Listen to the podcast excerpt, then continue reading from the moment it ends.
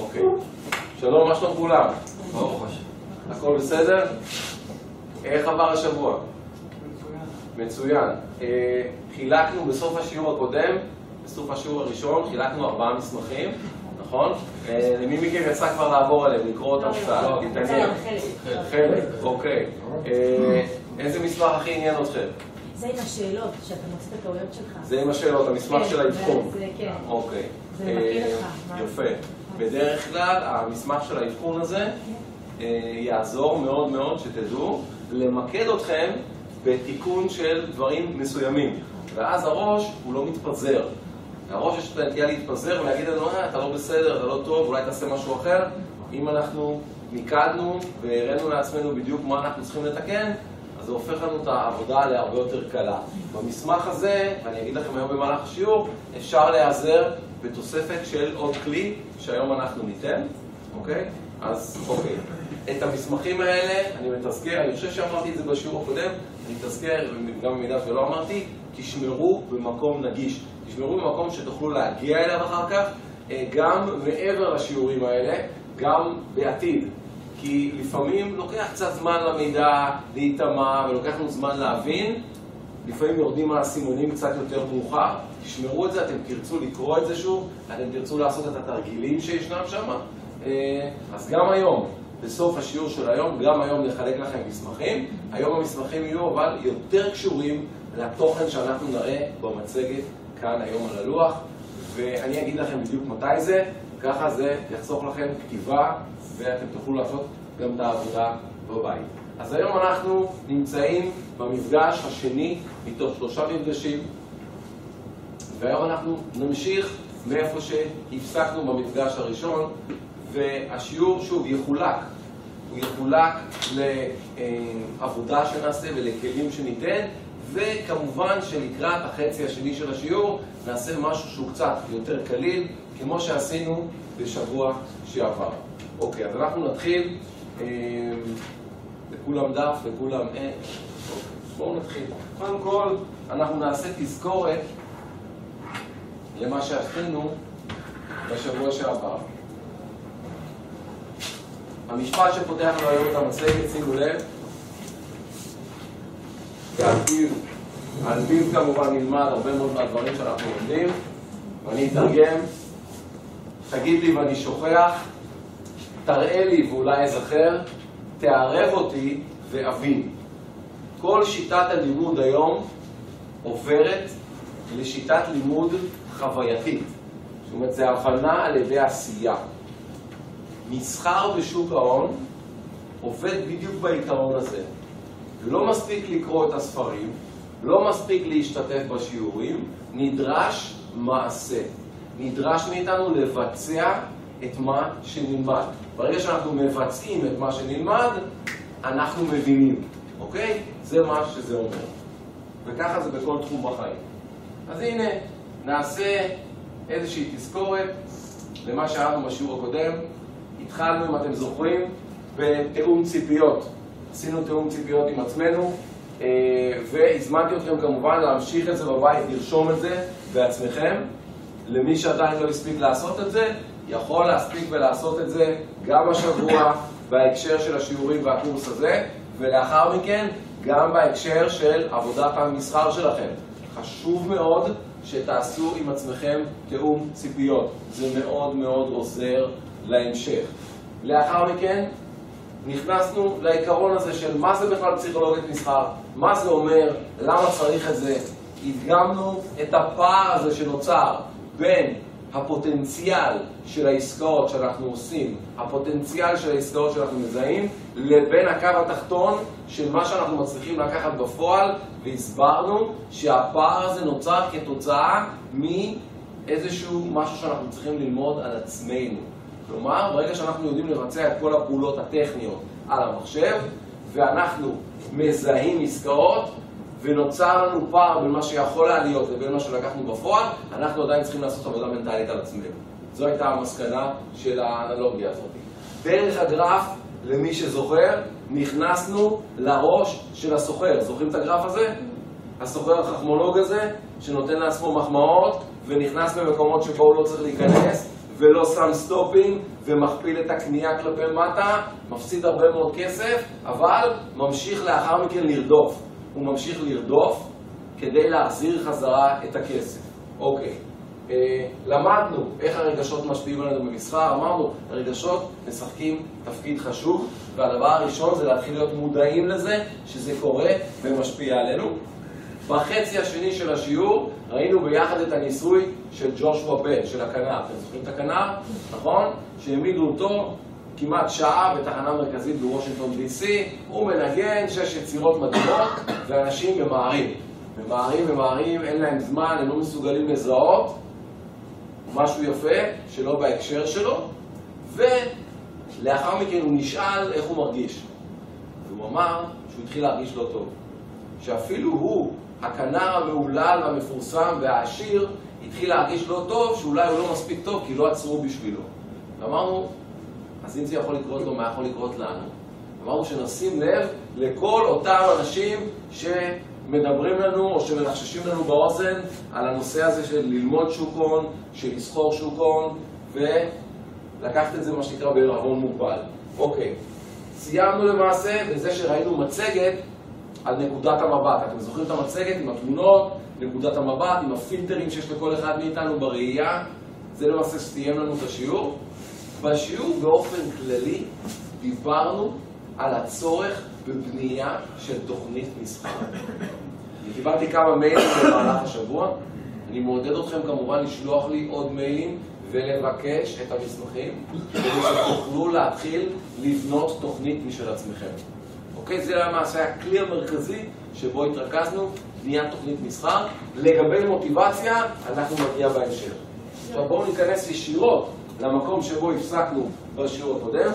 אמרנו שחשוב, כן. רק שאלה אחת, כן. לגבי שאמרת שזה שיטת לימוד חווייתית. כן. זה אומר גם הוובינר שאנחנו מקבלים בהצגה שיש לנו. בוודאי, זה אומר, זה אומר להיכנס לשיעורים, להיכנס לחדרי המסחר, אוקיי? ולבצע את הפעולות. ניתן לבצע את הפעולות ביחד עם המנחה עצמו, או אפילו להקשיב לשיעור, ואחר כך ללכת ולעשות את מה שנלמד. נחשב. מה שאתם צריכים להבין זה שברגע שאנחנו מבצעים את הפעולה, ללא קשר לתוצאה, כי תוצאה תהיה שלילית או חיובית, משהו ייטמע בנו, אנחנו נרגיש את זה. אם אנחנו משאירים את זה בגדר תיאוריה בלבד, החוכמה הזאת לא מגיעה. הראש שלנו נוטה להגיד לי, אחרי שאני קורא מסמך, טוב, את זה אני כבר יודע, אבל אני עדיין לא באמת יודע את זה. אני יודע את זה כידע אינטלקטואלי נקרא לזה, אבל זה לא נטמע בי. ובגלל זה אנשים נוטים לחזור על טעויות, שתדעו. ופה אנחנו רוצים למנוע את זה. אנחנו רוצים לבצע את הפעולות שנלמדו. כשנבצע את הפעולות שנלמדו ונסיק את המסקנות בצורה נכונה, נוכל לתקן ולהימנע מלחזור על טעויות, שלמעשה עם זה אנחנו מתחילים עכשיו. זה מחבר אותנו ישירות לקטע שאיתו אנחנו מתחילים את השיעור היום. והשאלה זה מה זה יומן מסחר. מישהו שמע פעם על יומן מסחר? יודע מה זה? אני אני עוקב אחרי הדברים שאני עושה בטבלה. אוקיי, באיזה טבלה? אתה יכול לשתף אותנו? בטבלת אקסל, יש לי את הש- את הש- אני סוחר במטר, יש לי שם את הצמדים או את החוזים הטבעיים שאני סוחר עליהם, מה שאני נכנס. יש לי שם את האינטרוול זמן שאני נכנס. אה, יש לי שם את השערים, את השערים של הסטופר שאני שם. אה, במקביל לזה אני מנהל, על כל אחד כזה אני מנהל אה, צילומי מסך על כניסה לכניסה. אה, בכמה אינטרוולים. אם נכנסתי בשעתי אז אני מצלם את הגבוהים יותר בשביל שאני אלמד אחר כך למה נכנסתי, כי אתה נכנס... אוקיי. כמה זמן אתה כבר עושה את זה? מי שהתחלתי. אוקיי, ומה זה נותן לך? מה זה נתן לך עד עכשיו? שאני יכול... אני אגיד לך למה אני עושה את זה, עוד לא הגעתי לשלב הזה, אני גם ממיין את זה לפי תבניות. נגיד נכנסתי בפולסבורג, אז אני, אני, אני שם את זה בפנים. נכנסתי, ב, אני יודע, במגדלים, אני שם את זה במגדלים. לפי תאריכים. ואז אני רוצה, פחות או יותר עוד איזה כמה חודשים. יש לך אפשרות למיין ולחזור למיין ולחזור. ולחזור ולראות איפה, גם אני, בסוף עסקה אני יודע אם הצלחתי או לא, אז גם זה ממוין. ואז אני אלך לעסקאות שנכשלתי, אני אראה מה מה קרה, ועסקאות שהצלחתי, אני אראה גם... יופי, מצוין. עכשיו אני רוצה להסביר לכולם במה מדובר, אוקיי? יומן מסחר, למה צריך את זה, מה זה נותן לנו. אוקיי. קודם כל, כשמתחילים לסחור, אין לנו אה, שום דבר, הראש שלנו לא יכול להשוות את זה לשום דבר אחר שעשינו קודם. מסחר בשוק ההון לא דומה לשום דבר אחר.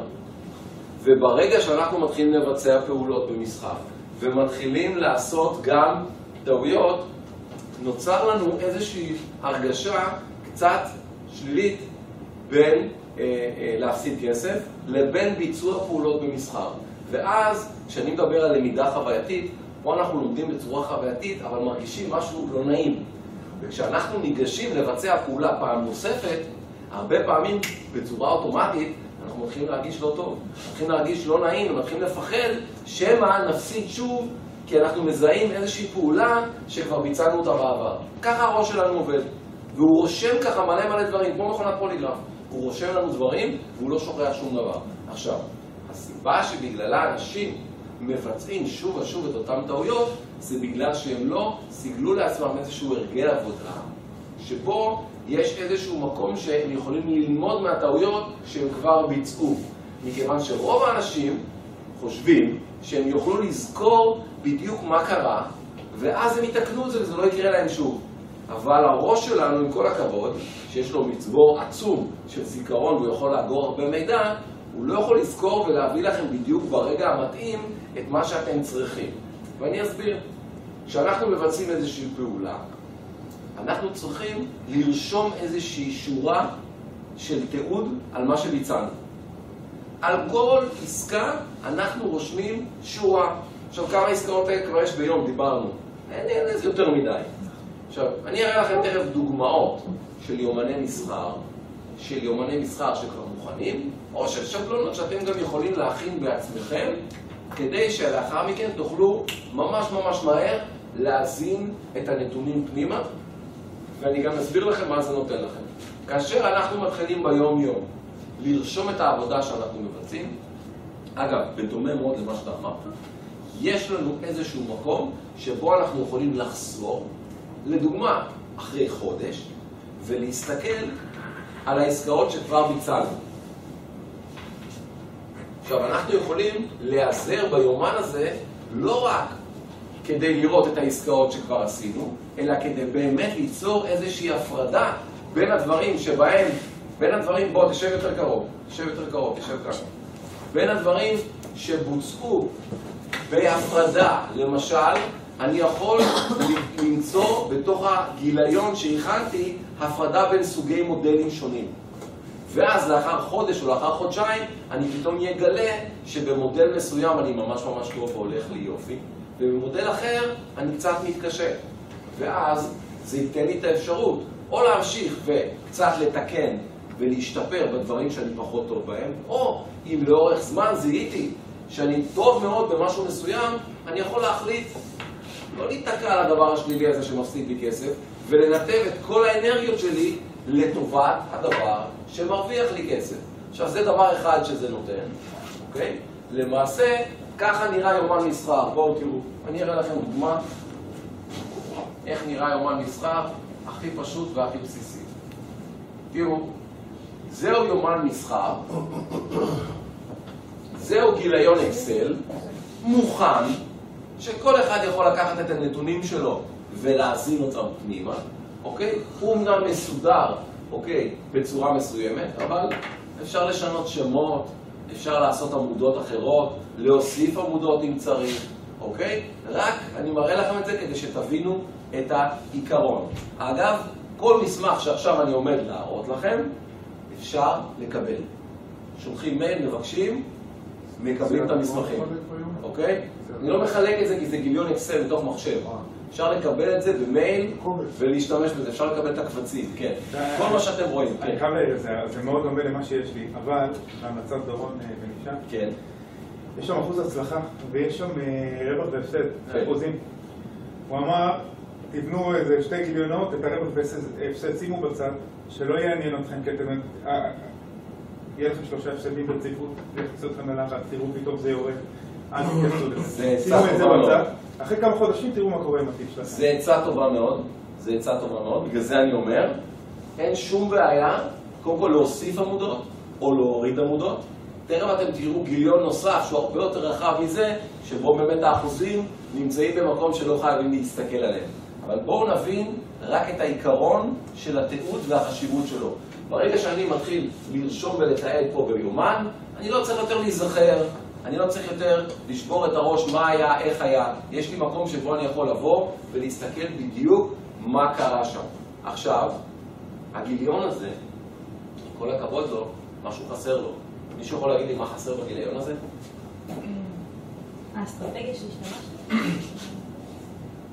אפשר בערב. איך? האסטרטגיה של ראשון בערב. אוקיי, שימו לב. סליחה. אנחנו רוצים לתעד, צילום מסך? אפשר להוסיף פה גם בקישור, אפשר להוסיף צילומי מסך ולהגיע לזה.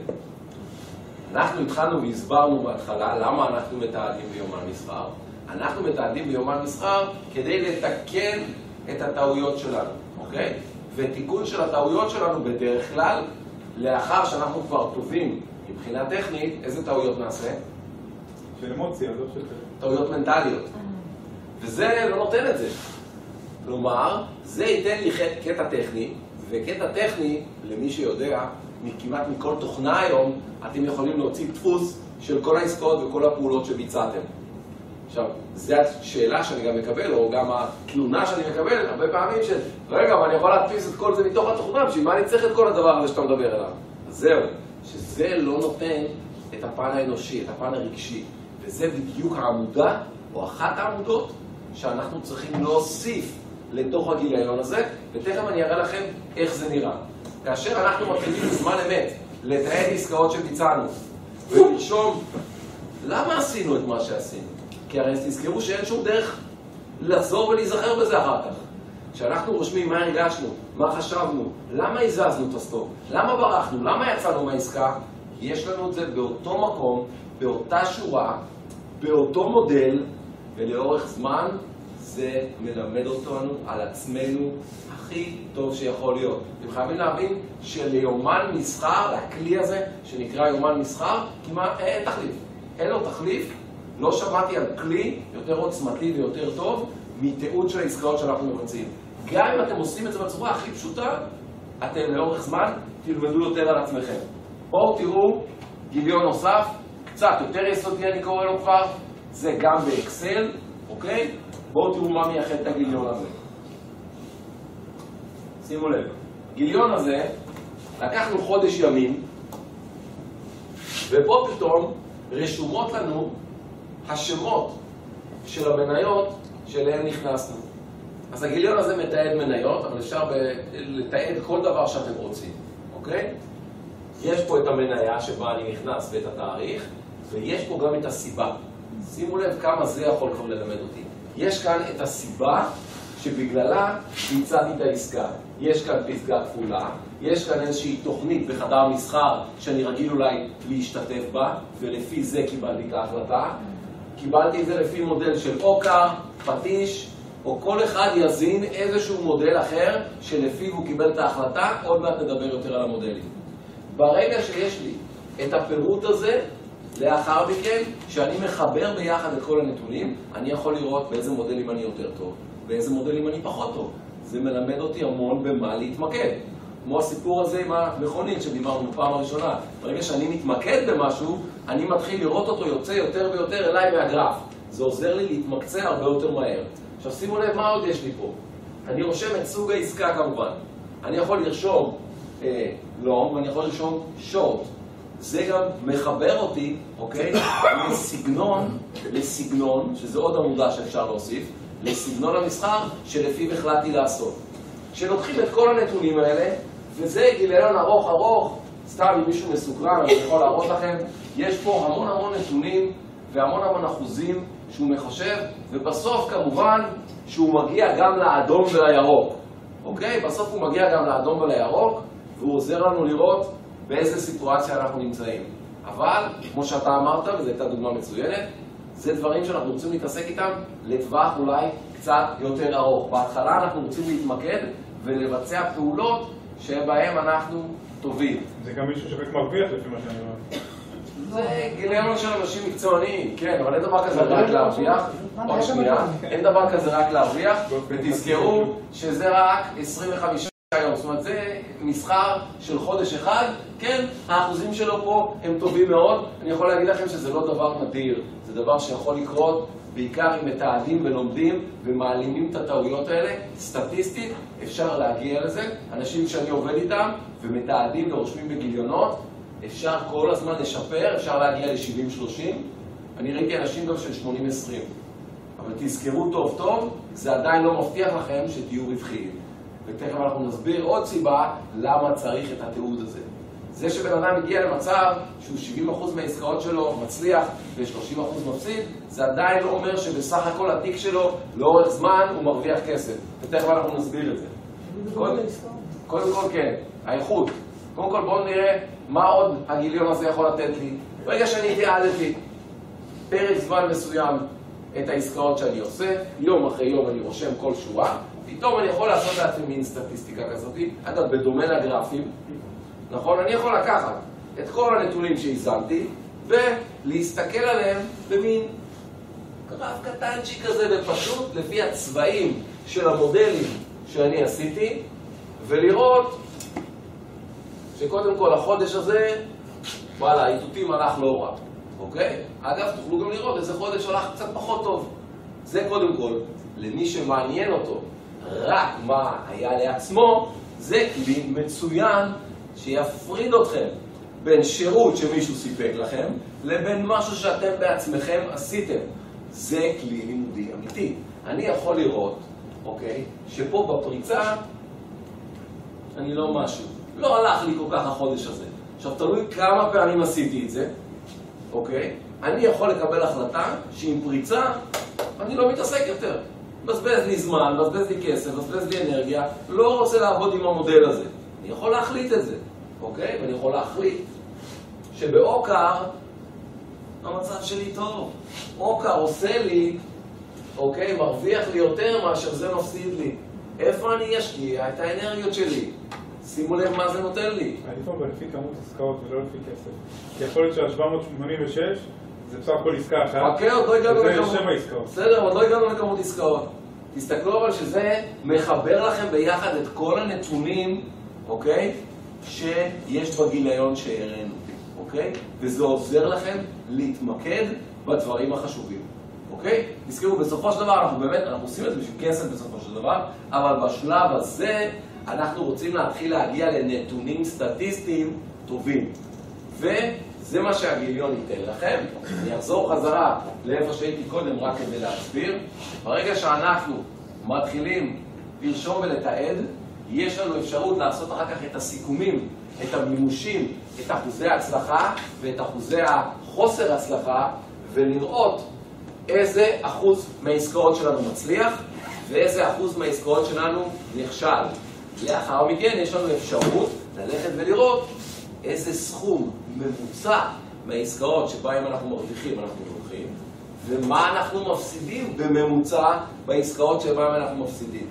אם אני לא נותן לעסקה לממש את הפוטנציאל שלה ובורח, אני קורא לזה, או יוצא לפני הסוף ואני מבצע המון המון המון המון עסקאות כאלה, יכול להיות שסטטיסטית יהיה לי הרבה מאוד ירוק, אבל על הנייר לא יהיה לי כסף, אוקיי? כי אני לא נותן לעסקאות לנשום, אני חונק אותן. ואותו דבר, אם אני מזיז את הסטופים שלי. אם שמתי סטופ וקבעתי סטופ של 50 דולר, ופתאום זה מתחיל ללכת נגדי, ואני לא מסוגל לקחת את הסיכון של הסטופ שקבעתי, ואני אומר, טוב, בוא נוריד את זה בעוד 10 דולר. עוד 25, מה יכול להיות? שימו לב, לאורך זמן, מה שקורה מאוד פשוט. אתם צוברים עסקאות שמעל לסכום המקורי שקבעתם, וגם אם הסטטיסטיקה שלכם תהיה לטובתכם, העסקאות החיוביות, לאורך זמן אתם מפסידים, אוקיי? מה שצריך לבדוק זה קודם כל שאתם מצליחים להגיע לביצוע טוב של עסקאות, של ביצוע מדויק של כל הפעולות הטכניות. לבדוק, 60% מצליח לי, האם אני 50-50, 70-30, כמה אני, לאחר מכן, לבדוק כמה כסף. האם אני רווחי או לא רווחי? אני בוחר עסקאות טובות, אני מתנהל אסטרטגית בתוך העסקה בצורה טובה או לא טובה. אם אני מתנהל בצורה טובה, אני צריך להיות רווחי, גם אם זה קצת, אוקיי? ואם אתם פחות, כלומר, אם אתם מגלים שאתם לא מממשים את הפוטנציאל הזה שדיברנו עליו, שנוצר פער, זהו הכלי המשלים. עם הכלי הזה, אתם מתחילים לבדוק את עצמכם ולצמצם את הפער. כלומר, אתם דרך התיעוד הזה מתחילים לגלות איפה אתם צריכים להשתפר, ומתחילים לשפר שמה. ברגע שמתחילים לממש עסקאות על פי מה שזיהינו על הנייר, לפחות יעד ראשון, ולא לברוח לפני הזמן, ומתחילים לתת לסטופ, לפגוע, לא בורחים לפני הזמן. אתם תראו שלאורך תקופה הסטטיסטיקה שלכם תהיה יותר טובה. היא תהיה חיובית. לפעמים אתה לא בורח זה חמדנות. אנחנו מדברים על משהו שכבר הגיע. אם משהו כבר הגיע, וכבר לקחנו רווח וכבר לקחנו כסף, זה יכול, זה יכול גם להתפרש כחמדנות, זה נכון. בגלל זה, דיברנו על תוכנית בשיעור הראשון. התוכנית שלנו כוללת בדיוק מה נעשה. הראינו את הדף של ניהול עסקה, נכון? כשיש לנו דף של ניהול עסקה ואנחנו עובדים עם תוכנית, אנחנו בניתוח הטכני שלנו קובעים מראש מה אנחנו עומדים לעשות בעסקה הזאת. אז נכון שאפשר, ומלמדים את זה, להשאיר תמיד איזשהו חלק קטן פתוח לדברים שיכולים לקרות שהם לא צפויים. אבל התוכנית הכללית היא מדברת על ההתנהלות של יעד אחד, אולי לפעמים יעד שני, מגיע, סגרתי. לא הגיע, ירד, נגע בסטופ, סגרתי. לא להזיז באלתורים פה ולא להזיז באלתורים פה בשלב הזה שבו אנחנו נמצאים, שזה שלב לימודי. אני אומר, לא נצטרך לרשום ולתעד לנצח, אם לא נרצה, אבל בשלב הזה שבו אנחנו נמצאים, אנחנו צריכים להתחיל להכיר את עצמנו יותר טוב. ולהכיר את עצמנו יותר טוב זה לראות איפה הטעויות שלנו. ואני יכול להגיד לכם שכולם עושים טעויות. אני אומר את זה בשיעורים שלי, ויש אותי מקליט עצמי אומר את זה, אני עושה טעויות. כולם עושים טעויות. וטעויות זה לא דבר רע, ההפך. זה יכול להיות הדבר הכי טוב, אם מוכנים ללמוד מהם. לקחת אחריות ולהבין שהסיבה היחידה שבגללה קרתה הטעות זה כדי ללמוד. אין שום סיבה אחרת שבגלל זה זה קרה. עכשיו, אם אני מוכן לקחת את האחריות הזאת, אני בא ואני בודק ואני מסיק את המסקנה, כי הטבלה הזאת, בצורה שבה היא מנוהלת, וזאת רק דוגמה, תכף אני אראה לכם את כל רשימת הסעיפים שאתם יכולים לעשות כדי שמכינים טבלה לבד, כי ייתן לכם היכרות מאוד מאוד מעמיקה על עצמכם ועל ההתנהלות שלכם בזמן מסחר אמיתי. בואו נראה את העבודות האלה.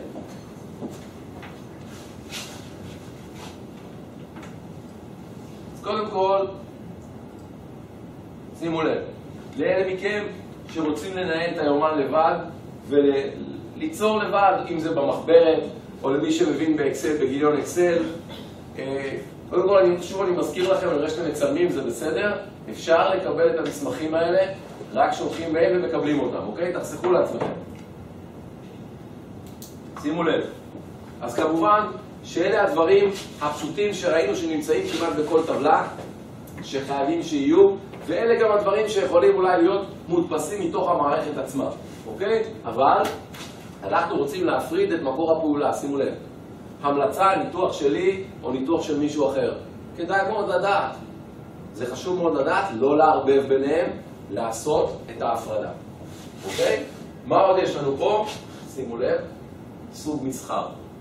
התחלנו לדבר על זה בשיעור הראשון, שאחד הדברים, אחד הפרמטרים לבניית תוכנית מסחר, זה להכיר את עצמנו ולדעת איזה סגנון מתאים לי, איזה סוג של סוחר אני, איזה אופי יש לי בכלל, אוקיי? שזה היכרות כבר יותר מעמיקה. הגיליון הזה עוזר לכם גם בשביל זה. אתם מתחילים לרשום על זה עמודה כזאת של סוג, long short, מסחר יומי, סווינג או השקעה לטווח ארוך, שיש לכם את זה מחובר ביחד, פתאום אתם תגלו, וואו, ב day trade אני טוב. ארוך לא מעניין אותי, אני פחות טוב בזה. או ההפך. תראו, וואו, אני טוב בסווינג. למה יש עמודה? והיא מרוכזת. אתם יכולים לראות, עשיתי חמש עסקאות מוצלחות בסווינג. אולי כדאי שאני אמשיך ואשקיע את המאמצים שלי בזה. כל זה נותן לך הגיליון הפשוט הזה, אוקיי? וכל מה שאתם צריכים זה פעם אחת להכין אותו, ואז רק להזין נתון פנימה. וזה דקה זה לוקח, אפילו חצי דקה, אוקיי? הלאה, בואו נראה מה עוד יש לנו פה. אה, סיבת הכניסה, כבר דיברנו על זה, אנחנו רושמים את המניה, אנחנו יכולים לרשום, אם אנחנו עובדים במטח, יכולים לרשום את מטח, שימו לב מה עוד יש לנו, ופה אני רוצה להתמקד כי זה הדבר שהכי חשוב לי, אוקיי? סיבת היציאה, נכון? אנחנו עושים גיליון ואנחנו מתעדים, ואנחנו אבל רוצים לדעת למה יצאנו. עכשיו, המחיר הגיע ליעד, הדוגמה שרשומה פה, אז אני כמובן מאחל לכולם שזוהי תהיה סיבת היציאה. אבל מה לעשות, אנחנו עושים את השיעורים האלה לא סתם, אוקיי? סיבת היציאה היא לא תמיד כי המחיר הגיע ליעד, ואת זה אנחנו רוצים לדעת. מה הייתה הסיבה? תרשמו. מה עשיתם? מה קרה שם? מאוד מאוד חשוב לתעד ולרשום את זה, אוקיי? יפה. הלאה. כמובן שיש את התוצאה, ושימו לב בסעיף 17, טעות.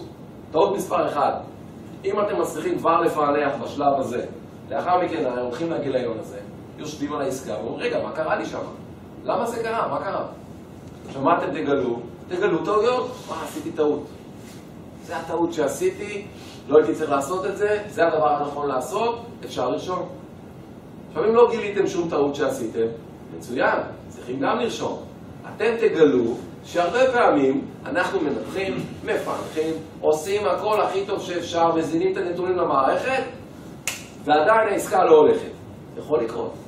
זה יכול לקרות. השוק, יש לו דינמיקה, והוא עובד בצורה מסוימת, אי אפשר לדעת אם זה יצליח עכשיו או לא יצליח. אבל אתם רוצים שיהיה לכם רישום על זה. רוצים שיהיה לכם רישום מה היה הגורם. עכשיו, פה זה רשום כטעות, אפשר לרשום את זה כהערה, אפשר להוסיף רגשות, מחשבות, את הגורם האנושי. זה מה שמעניין אותנו. לאורך זמן, כשאתם לוקחים ומכווצים את זה ביחד, אתם מסתכלים על הדבר הזה, והוא מלמד אתכם הכי טוב. אין אה, גיליון יותר טוב מהגיליון הזה, שאתם יכולים לבוא ולהסתכל עליו, הוא יגיד לכם על עצמכם הכל. לפעמים זה יהיה קצת פחות נעים, ולפעמים זה יהיה יותר טוב. אבל זה מאוד מאוד אפקטיבי. לומדים מהטעויות ככה, ואתם יכולים כל הזמן לבדוק ולראות התקדמות. אנחנו נמצאים בעסק הזה כדי לממש. אוקיי? אנחנו באנו, אנחנו רוצים לקחת סיכון כדי להרוויח כסף. אם נעשה את זה נכון, בצורה מחושבת, נתעד ונשתפר ונתקדם כל הזמן, זה מה שאנחנו רוצים. זה איזשהו כלי מדהים. וזה נותן לכם את זה? יומן מסחר, שאלות, כן. מה זה בין מחיר מטרה יומי למחיר מטרה סופי? טהור? אוקיי, מחיר מטרה יומי, נכון, יש אנשים שקובעים לעצמם, אוקיי? יש אנשים שקובעים לעצמם מחיר אה, מטרה יומי, לכמה, למה הם רוצים להגיע, אוקיי? הכללית של כל כל העסקאות שלנו. הוא לא בהכרח הסופי, כי לא בהכרח זה הגיע לשם. אז מה היה המחיר הסופי? אוקיי? עכשיו שימו לב, זה רק דוגמה. אם אתם רוצים לתעד בצורה אחרת, אם אתם רוצים לא להכניס פה את כל העמודות, אתם לא חייבים. אבל תזכרו ותכניסו את העמודות שדיברנו עליהן, שהן החשובות ביותר. עכשיו, במסמך הספציפי הזה, למי שיבקש אותו, אוקיי? יש גם הסבר לפני. יש פשוט כל ההסבר שדיברנו עליו עכשיו, דיברתי עליו בעל פה, שאתם לא יכולים לזכור את הכל, יש פה את ההסבר הזה, אוקיי? אז אפשר לבקש את זה. באופן כללי, אתם מבקשים את המסמכים של יומן מסחר, אני שולח לכם את הכל, אני בכלל לא חושב. מקליט פנימה ומצרף לכם את הכל. והכל נתון לשינוי. שום דבר הוא לא נעול. כל אחד יכול לקחת אחד המסמכים האלה ולעשות איתו מה שהוא רוצה. אין על זה שום, אה, שום בעיה, אוקיי? אז יומן מסחר מלמד אותנו על עצמנו, גורם לנו לתקן טעויות שאנחנו עושים ולא לחזור עליהן. זה הכלי הטוב ביותר, משתמשים בו בכל העולם, אוקיי? וגם אם תבחרו להקליד בגוגל יומן מסחר או trading journal באנגלית ולבדוק מה כתוב על זה, ללמוד על זה קצת יותר לעומק אפילו, כמובן שאני מזמין אתכם, יש גם שיעור שלי באינטרנט שמדבר ומלמד רק על התחום הזה, אתם יכולים להכניס את השם שלי ולראות, יש שיעור, אם אתם רוצים לחזור קצת על הדברים, עשיתי שיעור בדיוק כזה והוא מוקלט ויש אותו באתר, אוקיי? שאלות לגבי הקטע הספציפי הזה של יומן מסחר?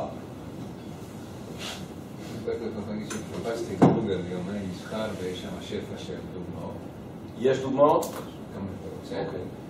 ומצאתי משהו מעניין, אם אתה עובד בגוגל דוקס, או גוגל שיט, זה נכון, אז אפשר לרשום את הערך הנוכחי של המניה דינמי כזה. זאת אומרת, אני עוקב אחרי התיק שלי, אה, אני יכול לדעת כל רגע מה ערך המניה. אוקיי. פונקציה פשוטה. אה. תזכרו שאנחנו בשלב הזה של התיעוד, פחות מעניין אותנו. יותר מעניין אותנו אוקיי. הצורך הלימודי. זה טוב שיש את זה, אוקיי? אבל אנחנו מעניין אותנו הצורך הלימודי של תיעוד טכני בלבד. מה קרה שם, למה זה קרה, ולהשתפר. אוקיי? זה מה שמעניין אותנו. תזכרו, כל גיליון כזה בסופו של דבר ייתן לכם גם את הפלוס ואת המינוס. זה הרי ברור לחלוטין. אוקיי? אבל בשלב הלימודי, אל תסתכלו על זה. אל תתמקדו בתוצאה, והסיבה פשוטה, דיברנו על זה בשיעור הקודם, אנחנו מדברים על זה כל הזמן. כשאני ממוקד בתוצאה, אני עם ציפייה, ואני רץ קדימה במחשבה. ואז יש לי את הנטייה, קודם כל גם להתעצב, אבל גם לא להיות ממוקד במה שאני עושה כאן ועכשיו. ואז הביצוע שלי נפגע. ואז זה כזה כמו כדור שמסתובב סביב העולם. הביצוע שלי לבריאות, הביצוע שלי נפגע, אני מסתכל קדימה, אני עוד פעם לא מרוכז, זה ככה גלגל כזה שמסתובב, אוקיי? תהיו מפוקסים במה שאתם עושים, תסיקו מסקנות לאחר מכן. תסתכלו במה שרשמתם, תלמדו מזה. רוצים להיעזר? תעזרו, תפנו אליי, תשאלו, תשתפו, אוקיי? אני אגיד לכם הכל. עוד שאלות.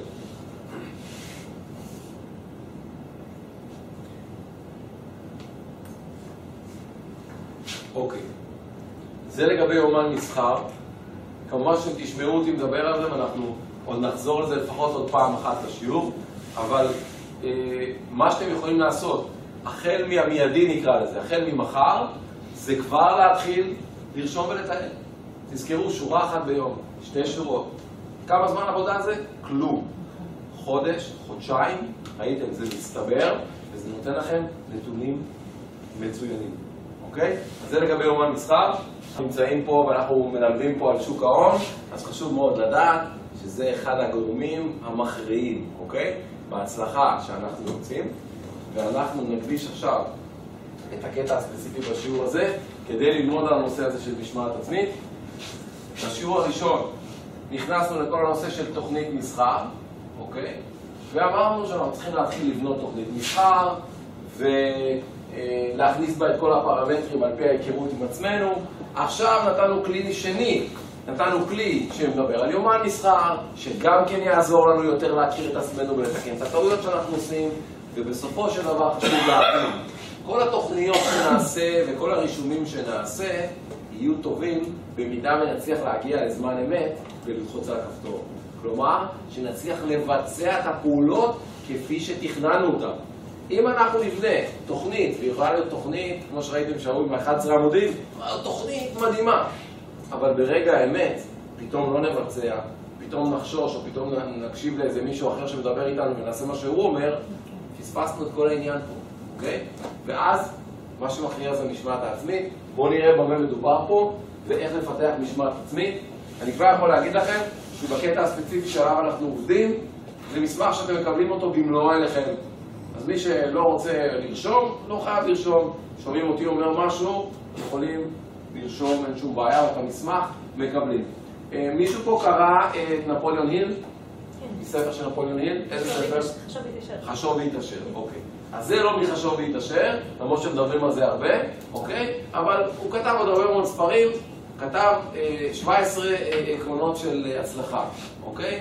וזה עיקרון מספר 9, Self Discipline, משמעת עצמית, ולא צריך לקרוא את כל הקלף הזה, התמצית של מה שהוא אומר זה המשפט, שימו לב. כל דבר שהמוח יכול להגות ולהאמין בו, הוא גם יכול להשיג. המוח שלנו, אוקיי? אנחנו מעורבים בזמן מסחר, אמרנו שיש תקשורת שעובדת כאן כל הזמן בפנים, ואנחנו צריכים לדעת בדיוק מה קורה, אוקיי? לפעמים אנחנו עושים טעות בגלל שיש הבדל בין מה שזיהינו על הנייר, שהיינו קרים, לבין מה שקורה בזמן אמת, שכל הרגשות והאדרנלין והכל רץ, אוקיי? בואו נכיר את עצמנו ובואו נראה איך אפשר להשתפר ולהיות יותר טובים.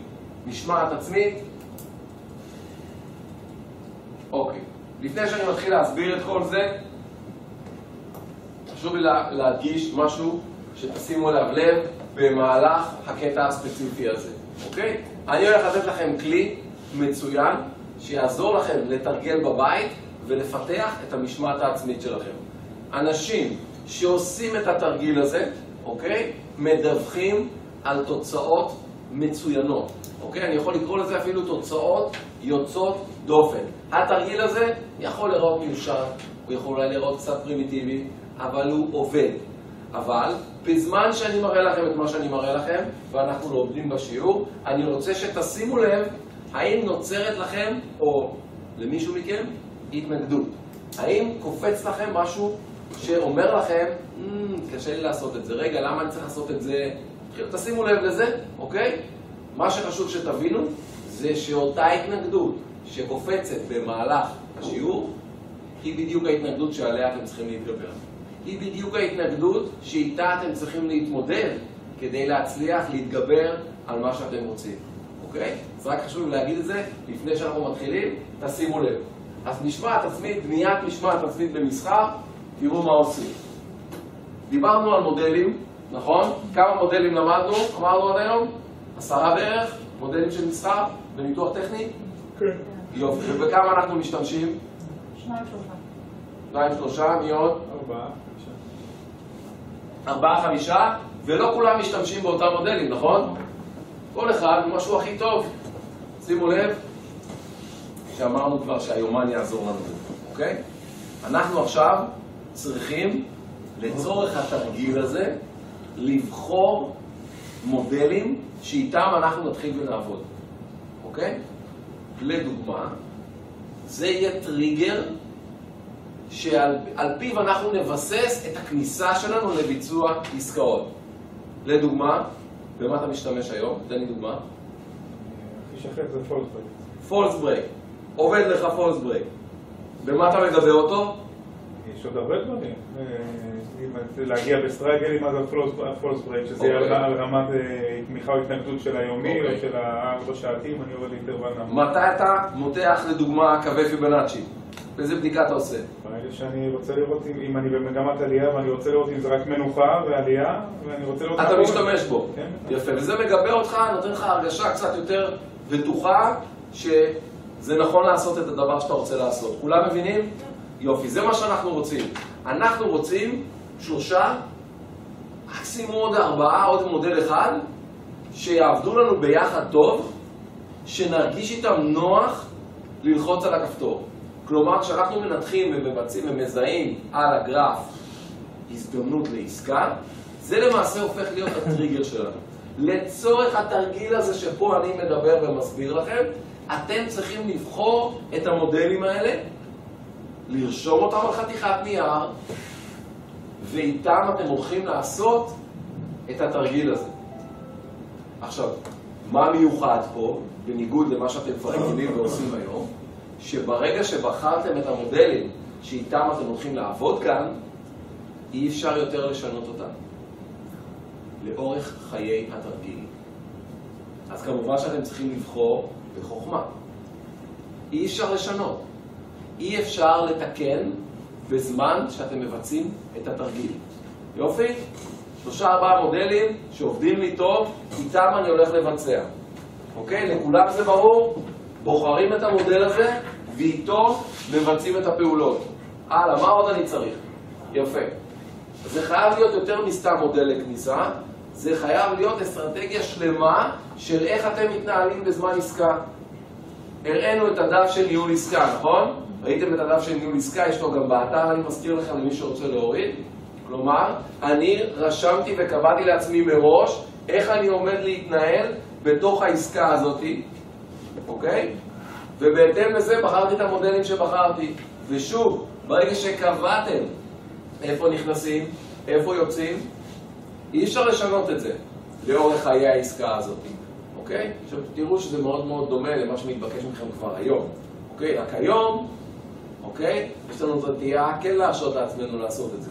ברגע שזה הופך להיות תרגיל, ואנחנו יודעים שאנחנו בוחנים את עצמנו, אנחנו מתגייסים לטובת העניין ועומדים בזה, זה גם לא כזה תרגיל ארוך מדי, אוקיי?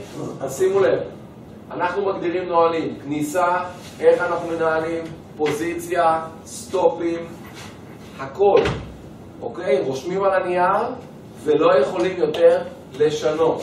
לכולם זה ברור? הלאה. אנחנו למעשה, כן.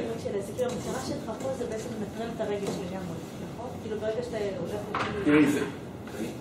אי אפשר לנטרל את הרגש לגמרי, אבל אני צריך שתהיה לי איזושהי תוכנית עבודה פשוטה מאוד, שאיתה אני אוכל לעבוד כמעט באופן אוטומטי. זה מה שאני רוצה. כלומר, כן, אני לא... זאת אומרת, הרגשות הם קיימים, אבל בין הרגשות לבין מה שכתוב על הנייר אין שום קשר. ברגע שכתוב על הנייר הוא משהו שעובד, והוכח שהוא עובד לאורך זמן, אני פשוט עושה את מה שכתוב בנייר, למרות משהו שאני עלול אולי להרגיש. כי אני ארגיש, אנחנו תמיד נרגיש, אוקיי? אז כן. יפה.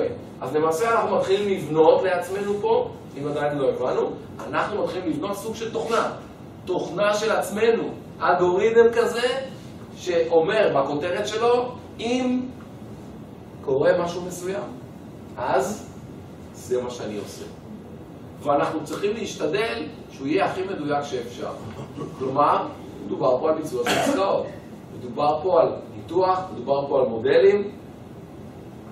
אם הוא זז נגדי, אם הוא הולך למחיר הזה, אני יוצא.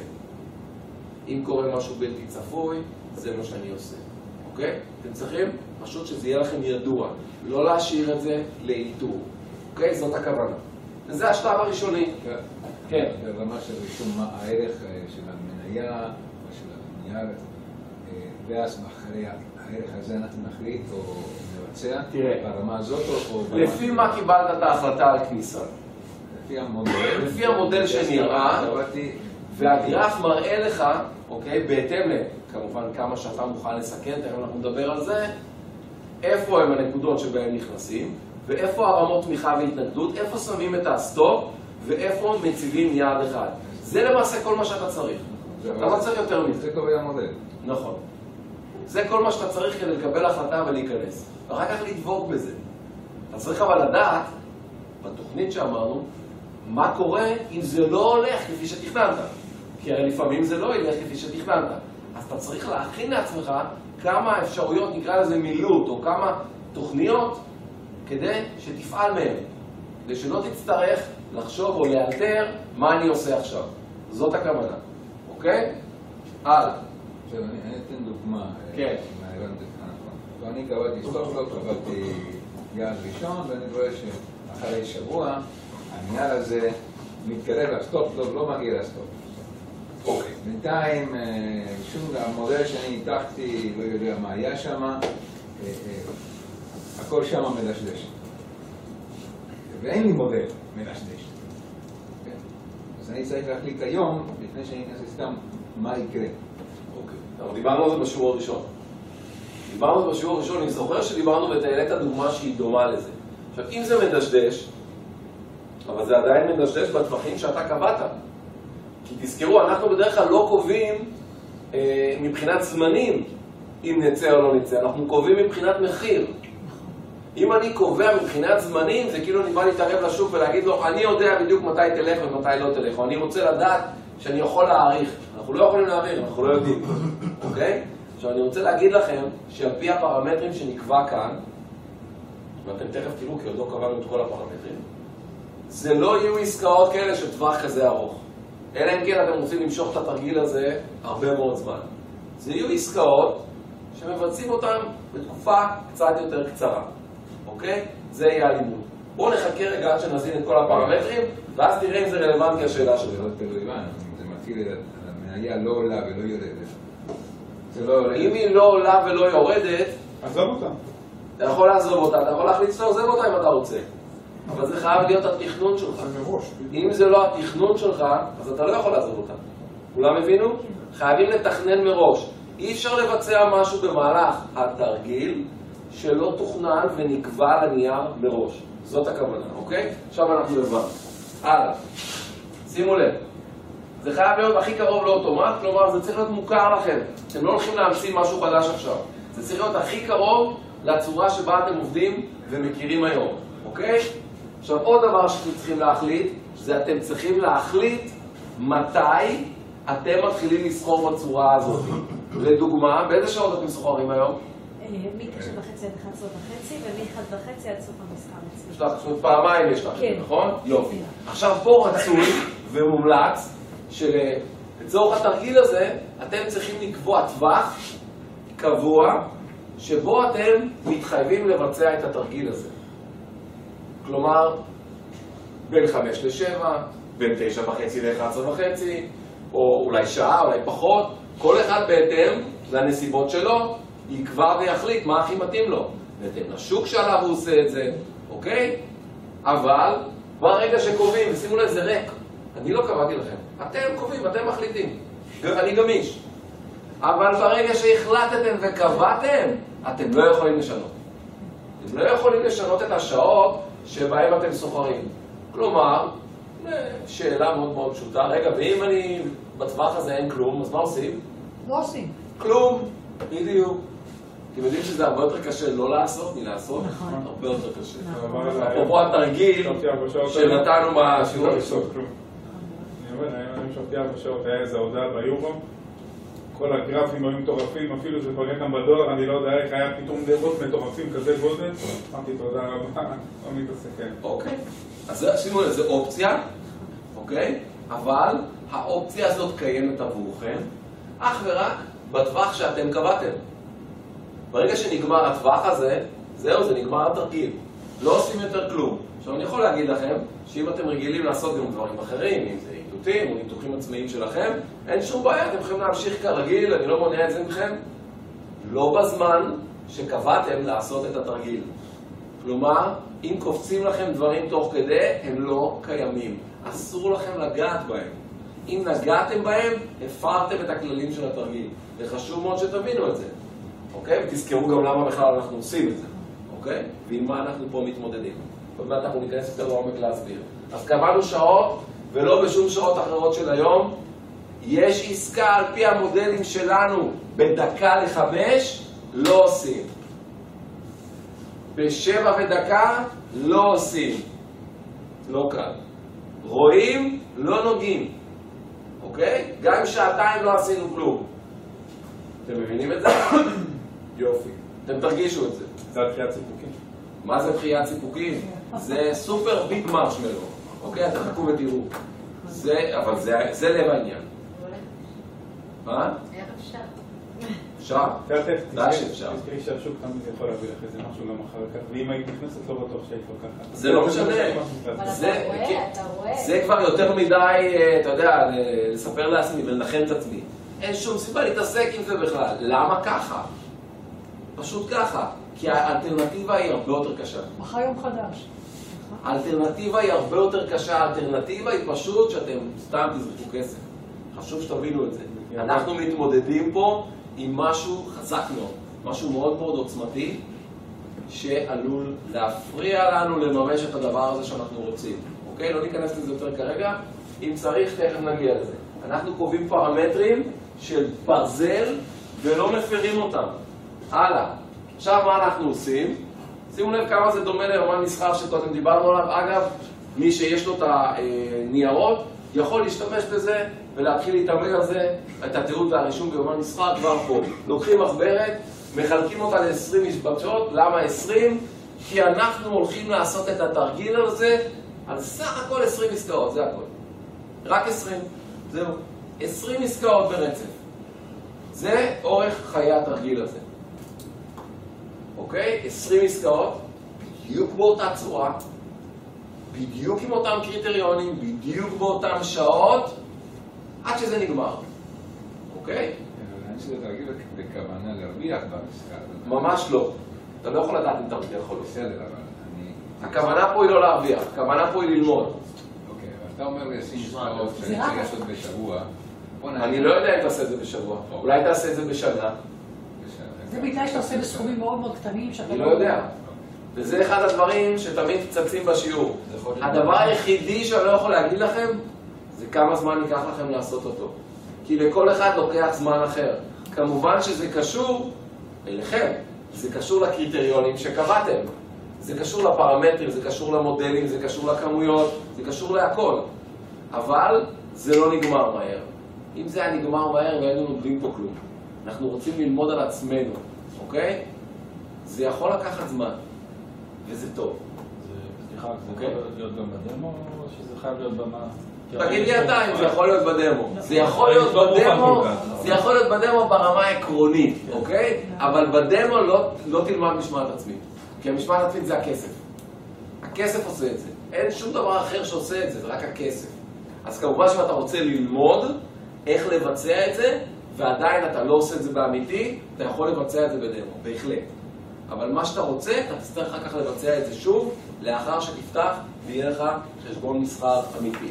אז בואו נראה, יש לנו 20 עמודות, חילקנו אותן, בואו נראה מה עוד חשוב שנבחר. תראו, צריך לבחור מראש, שימו לב, צריך לבחור מראש את גודל העסקה, כלומר את הסיכון שאנחנו לוקחים בתרגיל הזה. אתם לא יכולים אחד לקחת 50 ולקחת את השני לעשות ב-100, אין דבר כזה. אתם צריכים להחליט כמה מסכנים, צריכים להחליט מהי כמות המניות, חוזה, כל אחד בהתאם לשוק שהוא החליט לעשות בו את התרגיל. ברגע שקבעתם את הפרמטר הזה, אתם לא יכולים יותר לשנות אותו. זהו זה. אגב, שזה, דיברנו על זה, זה מומלץ בכל מקרה לעשות ככה. לבחור איזשהו סכום וללכת איתו לאורך זמן. אז הנה, זה נותן לכם הזדמנות מצוינת. באורך התרגיל הזה, של 20 עסקאות, תבחרו מראש כמה סיכון אתם מוכנים לקחת.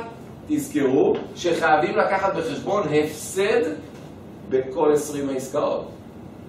אז תחשבו טוב טוב איזה סכום אתם מוכנים לסכן על התרגיל הזה, אוקיי?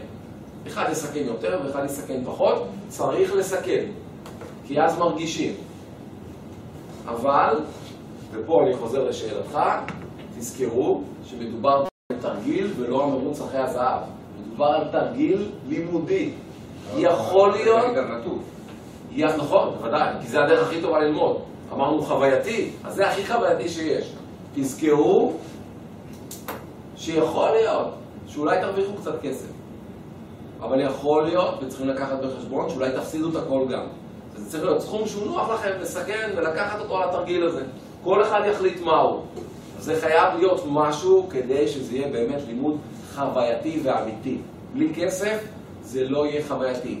חווייתי זה רגש, למי שעדיין לא הבין, כשאני חווה חוויה, אני תמיד חווה אותה רגשית.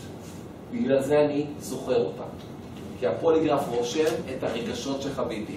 מחשבות, אה, נוטה להשכיח מאוד מאוד בקלות, אוקיי? שואל, מה שאתה אומר פה זה יותר לאנשים שלא נכנסים, פוחדים להיכנס, פה אתה מכניס אותם דרך משחק מסוים, דרך... אה, אה, תראה, אם אתה פוחד להיכנס, זה יותר... אוקיי? תשמע, זה אותו דבר. זה אם בדיוק אני אותו עושה את דבר. העסקאות, אני נכנס, אני עושה את העסקה. יפה. פה אין מה לפחד, פה אין מה לפחד מסיבה אחת בלבד, כי אתה לא עושה את זה בשביל להרוויח. אתה עושה את זה רק כדי לשחק. אתה עושה את זה רק כדי שתהיה לך היכרות יותר טובה עם עצמך. זו הסיבה הראשונית שעושים את זה, אוקיי? שימו לב. תראו מה עושים אחרי שהעסקה נסגרת. אוקיי. אחרי שהעסקה נסגרת, הולכים למחברת או ליומן מסחר, כל אחד בהתאם למה שהוא הכין לעצמו, ורושמים את ההערות. רושמים את ההערות במסגרת המתאימה, מה קרה כאן, למה קרה כאן, מסיקים את המסקנה. וממשיכים הלאה. תזכרו שזה יהיה בחלק של היום בלבד. אי אפשר לרשום טווח שעות, אוקיי? שש שעות. אי אפשר. זה הדבר שאי אפשר. אי אפשר לרשום שש, אני הולך לעשות את זה שש שעות התרגיל. כן. כי לא תלמדו בזה כלום. יש לי שאלה. אם אני אמשיך במסחר ארבע שעות ביום, התרגיל אני יכול להקצות אותו לשעתיים מתוך הארבע שעות שלי, ואז אחר כך לפעול... אה, נכון? אוקיי. נכון. אבל חייבת להיות הפרדה. חייבת להיות הפרדה ברורה, אז לא הייתי עושה את זה ברצף. הייתי אפילו עושה הפסקה. חייבת להיות הפרדה ברורה כדי שלא תתפתה, אוקיי? כדי שתרגיש גם את ההבדל, ושתדע שפה אתה עובד על פי קריטריונים אחרים לחלוטין. אוקיי. אז עכשיו, תזכרו, אנחנו רוצים ליצור לעצמנו הרגלי מסחר טובים, ובגלל זה אנחנו עושים את זה. קבענו את כל הפרמטרים, איזנו את כל הנתונים, אנחנו יודעים בדיוק מה אנחנו עושים, זה רשום לנו על הנייר, אין על מה לחשוב, אנחנו מבצעים אך ורק את מה שרשום על הנייר. ושוב, תזכירו, אין לאן למהר, אתם פשוט מסתכלים, אה, רגע, זה לא רשום, בסדר, לא עושים את זה. זאת הכוונה, שתעשו את זה ככה. ומעכשיו, מהרגע שהחלטתם שאתם מתחילים, מהפעם הראשונה, זהו, אתם ברצף עכשיו, אוקיי? אי אפשר לעצור, אי אפשר להפסיק, אי אפשר לשנות, אי אפשר להחליט, טוב, אני לא עושה. אין דבר כזה. התפקיד שלכם הוא ללחוץ על הכפתור בכל פעם שזיהיתם עסקה על פי הקריטריונים שקבעתם מראש בתרגיל. זהו, זה התפקיד. ראיתם? לחצתם. ראיתם? לחצתם. לא ראיתם? זה דומה, זה קרוב, זה... לא עושים. לא מעניין. על פי כל אחד מהקריטריונים שדיברנו. ואתם יהיה לכם הזדמנות להסתכל על זה כי תקבלו את המסמך לקחת הביתה. יש כאן איזה שהם ארבעה או חמישה קריטריונים עיקריים שאותם אתם קובעים מראש, שאותם אי אפשר לשנות. וכשרואים בדיוק אותם, אז לוחצים על הכפתור. זה משמעת עצמי, אוקיי? לוחצים על הכפתור, נגמר העסקה, רושמים ומתעדים. לאחר שמסיימים 20 עסקאות, פתאום הכל נראה אחרת. אם אתה עובד על ארבעה קריטריונים, וזיהית שלושה ואת הרביעי לא, מה אתה, אתה, מה שאתה אומר, אסור לעשות את העסקה, או שאתה יכול להגיד... לא, זה לא מה שאני אומר. את מדברת על המודלים, נכון? כן. אם אתם קבעתם עד ארבעה מודלים שאיתם אתם הולכים ועושים עסקה, אין שום בעיה להיכנס עם שלוש מתוך הארבע. אם החלטתם שזה מה שאתם רוצים. זאת לא, זה לא הבעיה, אוקיי? אבל אי אפשר להחליף אחד מהם. להגיד, אה, טוב, יש טעות, אז איתו אני אעשה. לא. זה חייב להיות רק הארבעה האלה שאתם קבעתם. אוקיי? זאת הכוונה. יפה. רגע, עוד שאלה. כן. יש מודל ש... כל המודלים בעצם צריכים תגובות, אה, אה, זה זה כמו פעולת שרשרת כזאת, הם צריכים סימנים לפני. לדוגמה, יש... אה, אתה מנתח. בסדר, אבל השאלה, השאלה אם זה כבר לא יותר מדי, אתה אומר רק ארבעה, למשל, אה, אה, יש אתה לא חייב ארבעה. בסדר, לא. בוא אני אסביר את עצמי, יש תבניות היפוך ויש נרות היפוך, ולהחליט אם אני הולך רק הנר, אני מחכה לכל הקריטריונים ובסוף מחכה לנר היפוך, או הולך עם כל הקריטריונים ובסוף הולך עם אה, מודל היפוך, או אני מה. שאתה שואל אבל זה לא קשור לזה. למה? זה החלטה שלך. תחליט. אתה צריך לבחור משהו שיעזור לך לבצע. אם אתה תחכה לכל הארבעה, זה יקרה? סביר להניח שלא. שלא. זה, זה יקרה אבל ייקח הרבה מאוד זמן. או נו, ואם ייקח הרבה זמן, אז מה יקרה? אז אני יכול אולי שבוע לא לעשות כלום. כן. ומה יקרה אם להכל לא תעשה שבוע כלום? זה לא זה לא מה שתכננתי מראש. אה, אבל זה תרגיל. כן. מה יקרה אם אה, לא תעשה שבוע כלום? אגב, לא תעשו שבוע כלום. גם חודש. בסדר? ככה נרגיע אתכם מראש, או נכניס לכם את זה כבר, מה יקרה? זה לא קשור לכל דבר אחר שאתם עושים, תעשו מה שאתם רוצים בדברים האחרים.